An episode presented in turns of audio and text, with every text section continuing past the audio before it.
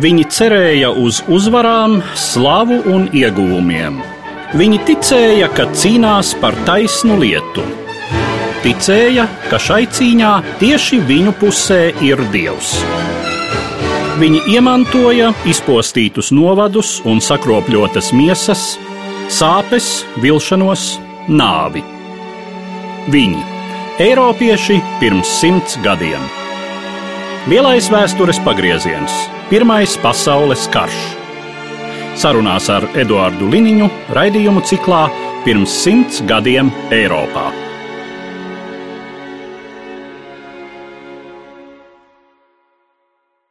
Labdien, cienījamie klausītāji! Pirms simts gadiem, 1917. gada septembra sākumā, Vācijas armija pie Rīgas guva straujus panākumus, ieņemot vēlāko Latvijas galvaspilsētu, pie kuras fronte līdz tam bija atradusies apmēram divus gadus. Šie notikumi saistās arī ar nozīmīgu epizodi latviešu strēlnieku vēsturē, proti ar kauju pie mazās jūglas.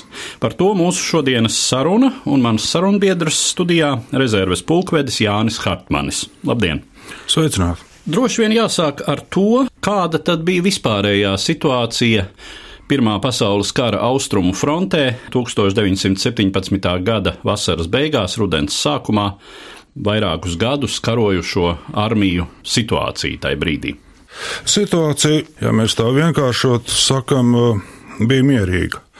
Kaut gan šis it kā mānīgais miers slēpj sevī tādu, kā mēs pēc tam redzēsim, pamatīgi eksplodējošu bumbu.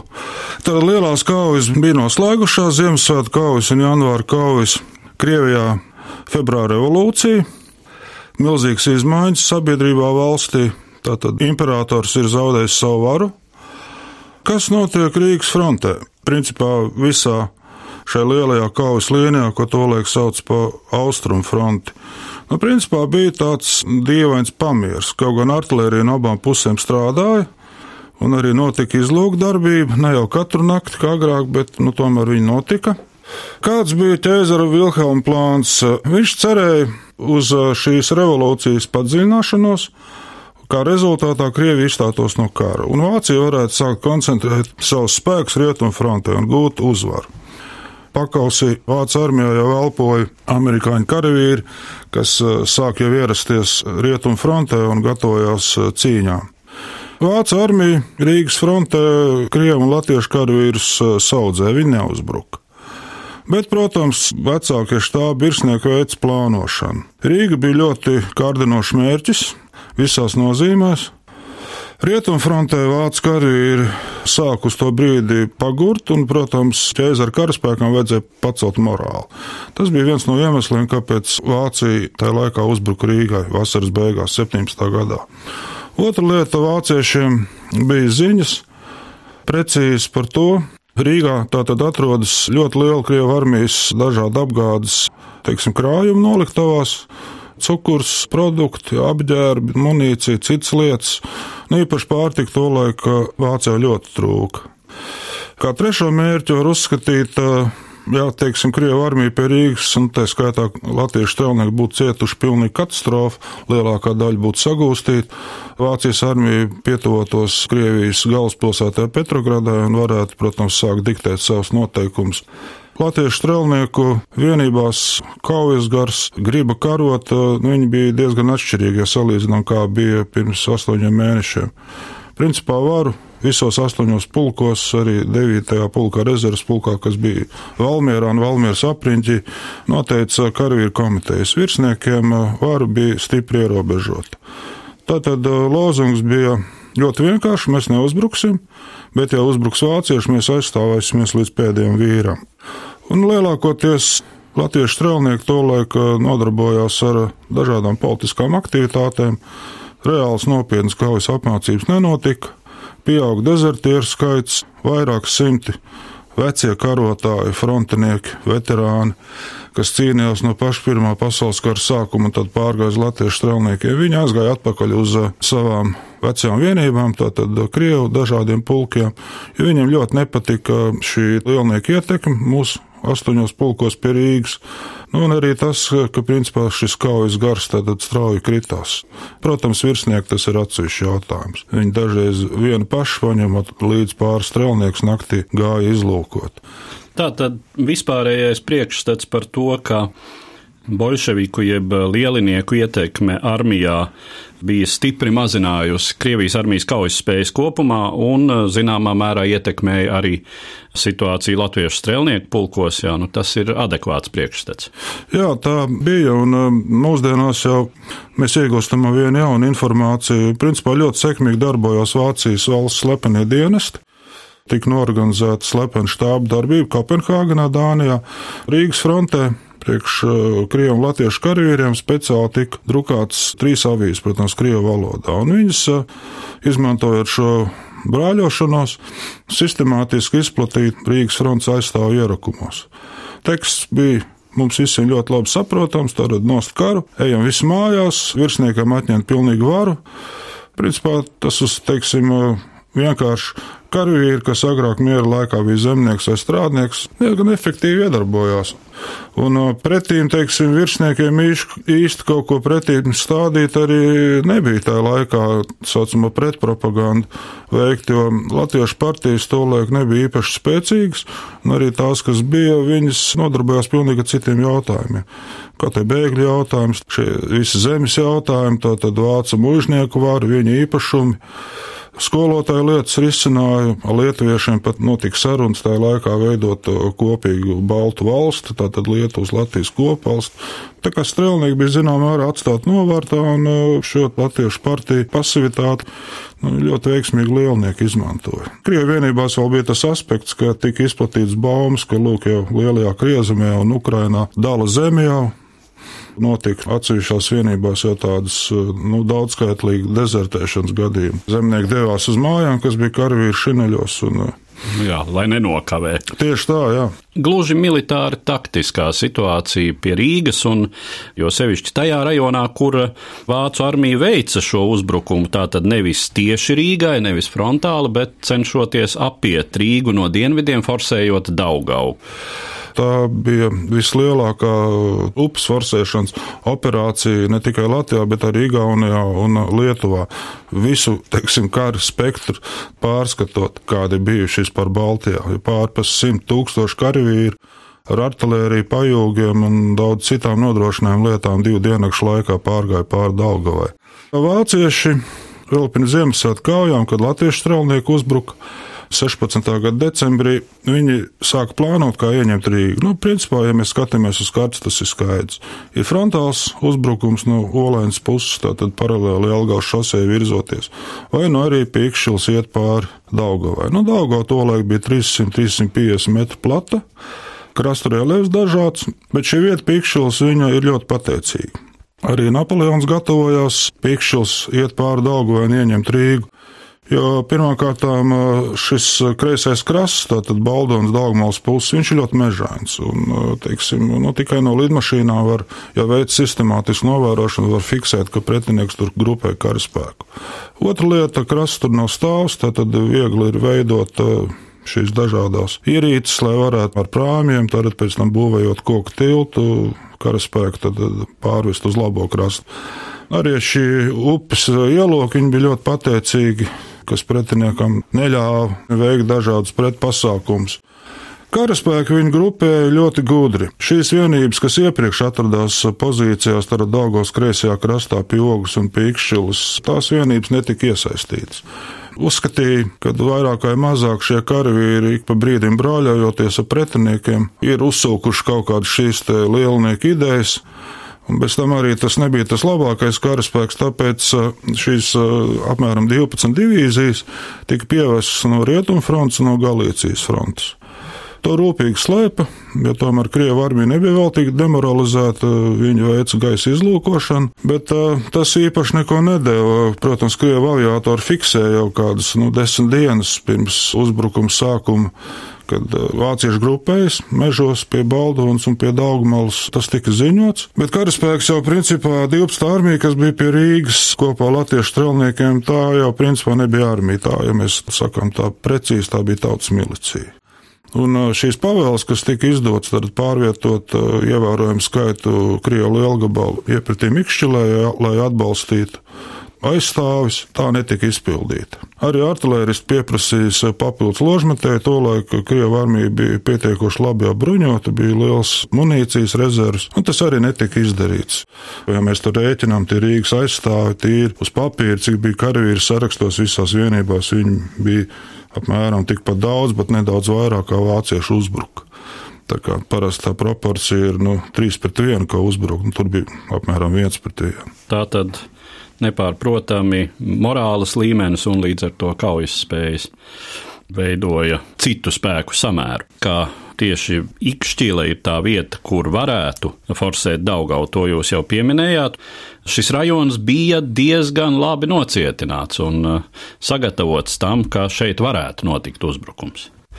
16. gadā tika ieguldīta liela nauda un liels darba spēks, lai izbūvētu otru aizsardzības līniju gar mazās jūglas upi, izmantojot šos reliefu paaugstinājumus un upes šo līkumoto tecējumu tika izveidota tāda saucamā maisa pozīcija. Ja vācieši iet pāri Dāgu vai Pikšķils, viņi iet tā kā tādā četstūri, un ka viņiem šauj virsū no priekšas, no labās puses un no kreisās.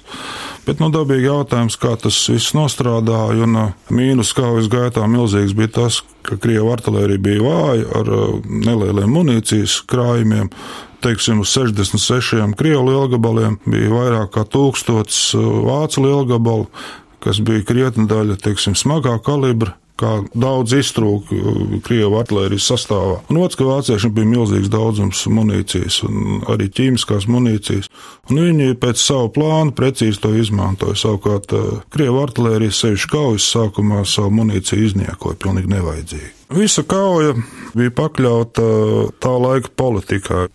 Krievijas armija komandēja ģenerālis Karņilovs, un viņš darīja vairākas lietas, lai Rīga kristu.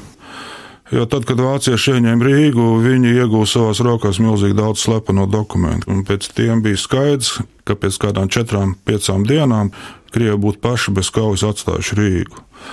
Ģenerālis Korņēlos bija ļoti interesēts, lai Vācu armija pietuvojas galvaspilsētai Petrogradai, jo viņš ar Antāns palīdzību gribēja veikt militārā pērsumu Krievijā tad viņam būtu iemesls sev personīgi pakļautās vairākas eh, kavalērijas divīzijas un dažas citas vienības ievest Petrogradā, apspiest vietējo garnizonu, kas bija pilnīgi nonācis lielnieku varā. Tāds bija šis plāns. Nu, Latviešiem tās sekas bija ļoti nepatīkams, jo šie ieroči, ko es teicu, ka te ložmetē netika krievu artilēristiem pikšķils piegādāt, lai viņus piesakt. Nu, arī vispār artērija kā tāda netika pastiprināta, un vieniem kājniekiem tikai cīnoties ar šauteniem ložmetējiem, teiksim, pret vācu armiju, kas bija ļoti labi bruņota. Vāciešiem kaujā viņiem bija daudz liesu metēju, kas tika efektīvi izmantoti desmitiem mūsu strēlnieku, teiksim, ierakumos tika dzīvi sadedzināti. Nu, tā bija briesmīga kauja. Pirmā vienība arī, kas atradās ierakumos labajā krastā Daugovā Pīkšķils, viņa bija ļoti vāja. Viņa nebija piedalījusies nevienā kaujā un noformēta no rezervistiem, otrās šķiras zemesargiem tikai dažus mēnešus iepriekš. Nu, tas bija speciāli pēc ģenerāla Karņilo pavēles viņu tur novietot. Un tad eh, tālāk jau tad, nu, bija vienīgā cerība uz ātrumu, kurš pirmais ienāks pie mazās jūglas upes otrās līnijas ierakumos, vai no vāciešu vai latviešu strēlnieku. No latviešu strēlnieku otrā brigāde četri pulki atradās rezervē, robežu Lielkangaru muižas rajonā. Vācieši ap 11. izlūku vienības pāriet dzelzceļa līniju Rīga-Daugopils. Šī iešana uz ziemeļiem viņiem bija diezgan apgrūtināta, jo visa teritorija Ikšķilē ap Ikšķilu un uz priekšu tīnūžu virzienā bija ļoti apgāzota. Vācieši masveidā pielietoja artilērijas lādiņus, kur ir indīgās gāzes iekšā. Un karavīriem vajadzēja vilkt gāzmaskas, nest līdzi visu munīciju, daudz citas ekipējuma lietas. Viņi gāja diezgan lēni uz priekšu parādās viena tāda lieta, kas iepriekš nebija sīkāk, detalizētāk uh, izgaismot. 103. Helsinas kājnieku pulka kauja. Krievijas pulks uzbruka pilnīgi viens pats, jo viss sakaru līnijas uh, vairāk kā 5 stundu artērijas masveida apšaudē ir iznīcināts, bet ļoti pozitīvs moments par šo 130. pulku. Apmēram uz stundām trim vāciešu virzība uz ziemeļiem, tīnožu virzienā apstājas. Krievu karavīri vairākus kilometrus vācieši atzina atpakaļ Ikšķils virzienā. Šai uzbrukuma smailē vāciešiem bija 14. Bavārijas divīzija. Un ģenerālis Rauhenbergers, kas komandē šo vienību, viņš savā pieņēmumā, kā tālāk attīstītos kauja, viņš izdara ļoti lielu kļūdu, kas nāk pa labu mūsu strelniekiem.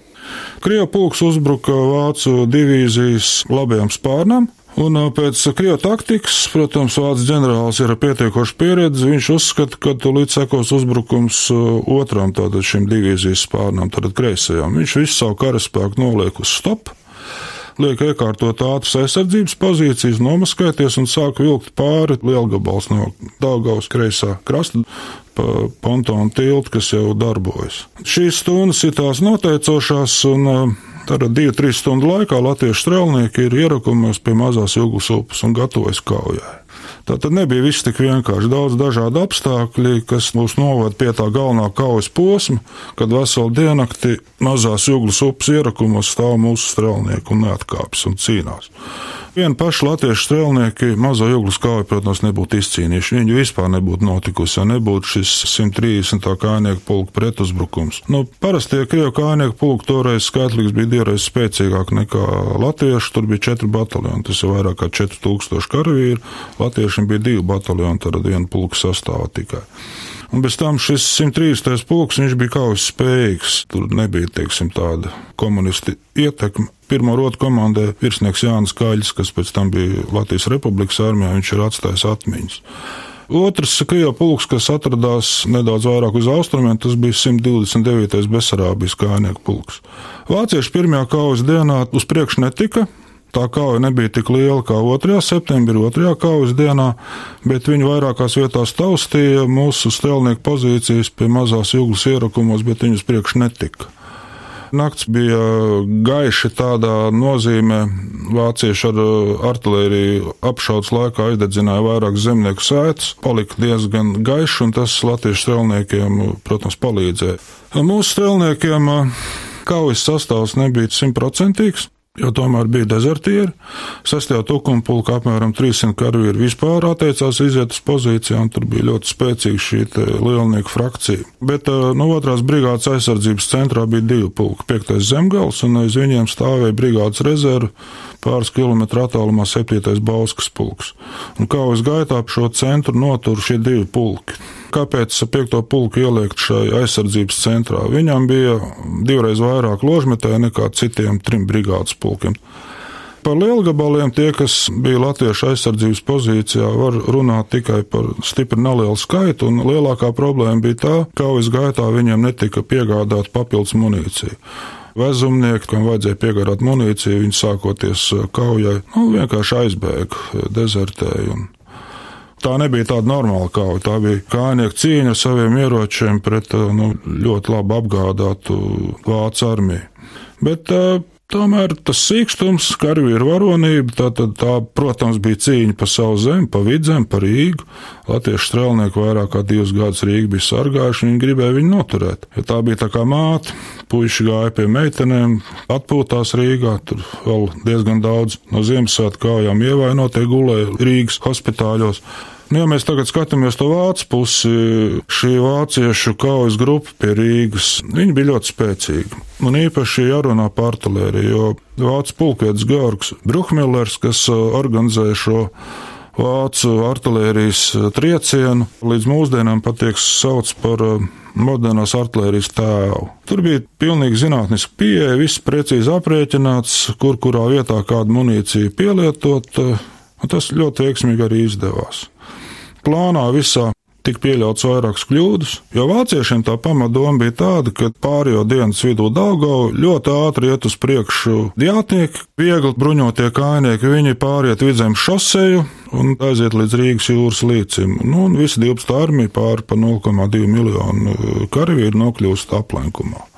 Pirmā kļūda Tātad šīs 12 divīzijas, kas pa trim tiltiem pusotrā dienā pārgāja Pikšils Daugau spēcīgākās divīzijas, gvardas pārējot upi, pagriezās pa kreisi un viņi devās uz Rīgu. Bet pretī nostājās Krievu 38. kājnieku divīzija un izmantojot šos nocietinājumus, viņus arī nelaida veselu diennaktu uz priekšu. Vienkārši viņi apstājās. Tā kļūda bija tāda, ka bija jāliek kopā viss šis trieciena spēks, spēcīgā dūrē, un jāiet līdz Rīgas jūras līcim, nevis, teiksim, vienu daļu novirzīt, un tad viņi šai pozīcijai cīniņā ieslīgst. Otrs vācu kaulē arī pilnībā izgāzās. Karaspēkam ar to apvidu ir jāiepazīst, viņš ir jāzina. Šīs vienības tad atnāca no citām frontēm, viņi nebija pietiekoši izlūkojuši, viņam šis apvidus bija principā nepazīstams, viņš bija šķēršļots, tur bija ezeri, purvi, upes, meži, arī ejot pāri tiltiem. Negatīvi nostrādāja vienmēr šis pieminētais vācu pedantisms. Teiksim, pavēlēja ir uzrakstīts, lūk, šis pulks, tikos un tikos viņš iet pāri tam un tam tiltam. Komandieris stāv savas vienības priekšgalā, pa tiltu neviens neiet pāri, viņš gaida precīzi to laiku un zaudē tātad kādu pusstundu vai stundu. Bez tam pa galveno jau video tiltu, kas bija pie Ikšķils mūžas uzcelts, virsnieki, kas atbildēja par karaspēku pārvietošanu pāri upē, pieļāva ļoti smagu kļūdu. Tātad vezumnieki, kas vienmēr virzās ļoti lēni, tika ielaisti starp kaujas vienībām. Un tad atkal šis ātrums tiek zaudēts. Jau pirmās dienas vakarā ir skaidrs, ka pamatplāns vācis, kāds viņš bija domāts, viņš nerealizējas. Sākās ilgstoša kauja. Vācieši pāriet pie plāna numur divi jāceļ pāri artērija, lielgabala pāri Daugavai. Vairāk simti. Viņi ir jānovieto attiecīgā pozīcijā no lielgabala. Šo atbalstu latviešu strēlnieki ir jāsakauj. Tiek korģēti visi plāni. Sākot 2. septembra rītu, artērija tiek celta pāri, un uh, viņu nolēma novietot starp Pikšķeli un uh, Ogri, saucamajos zilajos kalnos. Tad sāniski var šaut, vai arī, teiksim, pat uh, vienā līnijā ar uh, latviešu strēlnieku ierakumiem. Bet te ir jāatkāpjas nedaudz uz iepriekšējo nakti, tātad uh, naktis starp 1 un 2 septembri. Vācieši veica lielu uzbrukumu no tīnožiem pāris kilometrus uz ogles pusi. Respektīvi, viņi gribēja apiet četrus latviešu pulkus un viņus aplenkt. Bet uh, tur jau atradās pozīcijās pie misiņu mājām jau minētais 129. Besarābijas kājnieku pulks, kurš trīs reizes atsita vācu uzbrukumu, un šī nakts cīņa ir tik nežēlīga no abām pusēm. Vācieši trīsreiz iet Krievu ierakumos, bet viņi durkļie viņus izdzena atpakaļ. Tad arī dažas Krievu vienības cīnījās ļoti varonīgi. Ja 129. pulks nebūtu noturējies, Latviešu brigāde tik pilnīgi vai daļai aplenkt, un mazās juglas kauja būtu arī pietiekoši neveiksmīgi arī noslēgusies. Vācieši 2. septembrī apmēram līdz dienas vidum novieto vairākus simtus lielgabalus tātad augstienēs zilajos kalnos un sāka intensīvi apšaudīt mūsu strelnieku ierakumus. Nu, tā uguns ir tā kā no sāniem, tā ļoti bīstam, ja var trāpīt tieši ierakuma. Apmēram pēc stundas apšaudas sākas uzbrukumi. Ar intervāliem vairākas reizes otrās brigādes centram, jo caur šīm pozīcijām iet ceļš pirmkārt uz Viedzem šosē, pēc tam ar atzariem uz uh, Rīgas jūras līdz, lai varētu izpildīt šo pamatu uzdevumu vāciešu. Mūsu karavīri visus uzbrukums atcit, pamatā viss septītais pulks tiek iesaistīts, kas bija brigādes rezerve Vācieši cieš pamatīgus zaudējumus, kaut gan tie nav tūkstošos, bet tomēr viņi ir pietiekoši iespaidīgi. Diena ir karsta, vējaina, putekļaina, savs laiks ir. Protams, munīcijas rezerves izsīkst, latviešiem arī ir liela zaudējuma, un šī kauja tuvojas noslēgumam. Bet uh, svarīgi ir tas, ka četri latviešu pulki iziet no plankuma, viņi apiet Rīgu, Rīgas tilti tiek uzspridzināti, un uh, 12. armijas pilnīgi lielākā daļa iziet no šī iespējamā aplenkuma. Protams, arī bēgļi ļoti daudz latviešu iet līdzi armijai. Krievu karavīri, protams, apgāda viņiem no nodrošināt, viņi izlaupa visas mājas pa ceļām, kas ir iespējams mūžus, visu apēd, ko vien var, nodur visus lopus, un to gaļu nes sev līdzi, uzlauž tagast valžu naudas lādes zeme tiek dedzināta, postīta, un kā jau atkāpjoties, tas arī bija ļoti liels posms latviešiem. Pusi vidzemes gandrīz tiek ieņemta, un vācieši apstājās pie saucamajām cēs pozīcijām, Mori, Nītāru, Sigulda. Nu, arī tur pēc dažiem mēnešiem beidzās karš. Latviešu strēlniekiem šī atkāpšanās nebija organizēta, tas nebija arī iespējams, jo otrai brigādē četriem pulkiem nebija nekāds rezerves. Kaujas gaitā viss tiek iesaistīts. Bet nu, glāba viens otru, veidoja pretuzbrukums vāciešiem, viss tā atkāpšanās notika pa galvenajiem ceļiem. Protams, vācu aviācija viņu traucēja, arī paši latviešu bēgļi traucēja, bet viņus armija nospieda grāvjos un viņiem vajadzēja paralēli ceļiem iet līdz armijai. Vācieši diezgan daudz latviešu strelnieku sagūstīja. Krita un tieši kaujās, arī vācieši saņēma gūstā, nu, ja mēs tā rēķinām, nu, vairāk kā 500 no katra pulka, nu, tad tas ir nu, starp 2 un 3 tūkstoši. Nekad precīzi nevarēs aprēķināt, eh, cik daudz krita kaujā, jo pavēlēs mūsu pulku rakstīja, kad pazudis bez vēstures. Nu, tad tie ir vai nu kritušie, vai gūstā saņemtie.